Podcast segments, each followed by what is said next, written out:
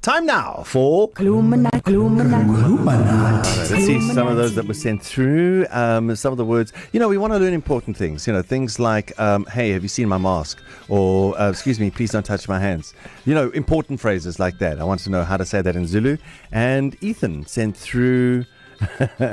okay, we'll ask this one as well. Do you have somewhere where I can charge my phone? So that was last week, and then I told you that uh, the translation to that, or the way you would say that, Oh, did is, you give us that one already? Yeah, ikona indawo engingachaja khona. Oh, I can ifoni remember. yami. Ingaga Yeah. chaja kona ifoni. Yes, and I Y- kept on messing that one up. Y- y- And like you did now, Engi- enginganganga, no, enginganganga. Come on, my brother. All right, do we have one for this week? We do. We got this one from Devon Yeah. yeah. uh, Palito. Yes.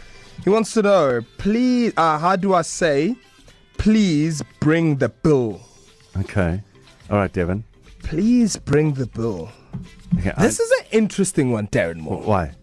I'm going to give you three ways you can say this. Why did you do that I'm gonna- to me? I'm- Don't complicate life. So I'm going to do the direct translation. okay. I'm also going to do the translation or the way you would have to say it or write it if maybe it was for marks and you had that like hectic Zulu teacher. Okay. So in today's and And then you'll give me like sort of like how you just uh, yeah, how you just go it. a com- okay. Okay. nomenclature. So the first one is the simple one, Yeah. yeah. okay? Because in theory, we, we in Zulu we don't have a, a standalone for bill. Correct.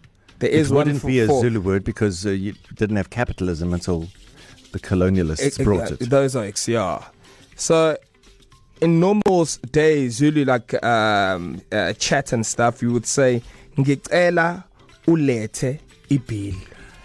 So Ngicela ulethe ulethe ibil. ibil. I can say that. please bring the bill. Yeah. Okay.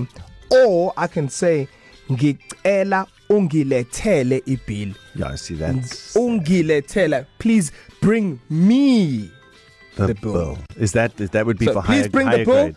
Please bring me the bill. Okay. Okay.